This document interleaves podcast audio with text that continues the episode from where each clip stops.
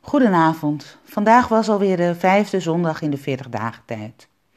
En de dagtekst komt dit keer uit Johannes 12. Daar staat Jezus zegt, wie zijn leven lief heeft, verliest het.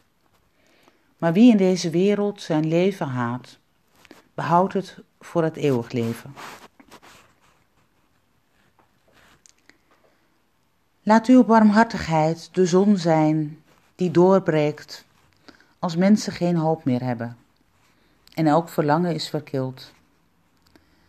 Laat uw waarheid ons bevrijden, uw trouw ons geleiden, als wij in onszelf verstrikt zijn en gevangen in elkaars wantrouwen. Laat uw liefdeswoord het laatste woord zijn over wie geen recht van spreken meer hebben, over wie de nacht valt. De nacht waarin uw zoon biddend ons vooruitging.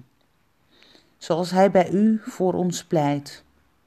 Zo bidden wij om eerherstel voor elke vrouw en iedere man die verschroeit aan wat geen leven is.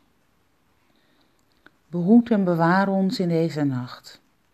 Geef ons rust, zodat we morgen opgewekt weer aan een nieuwe dag onder uw hemel, op uw aarde beginnen mogen. Amen.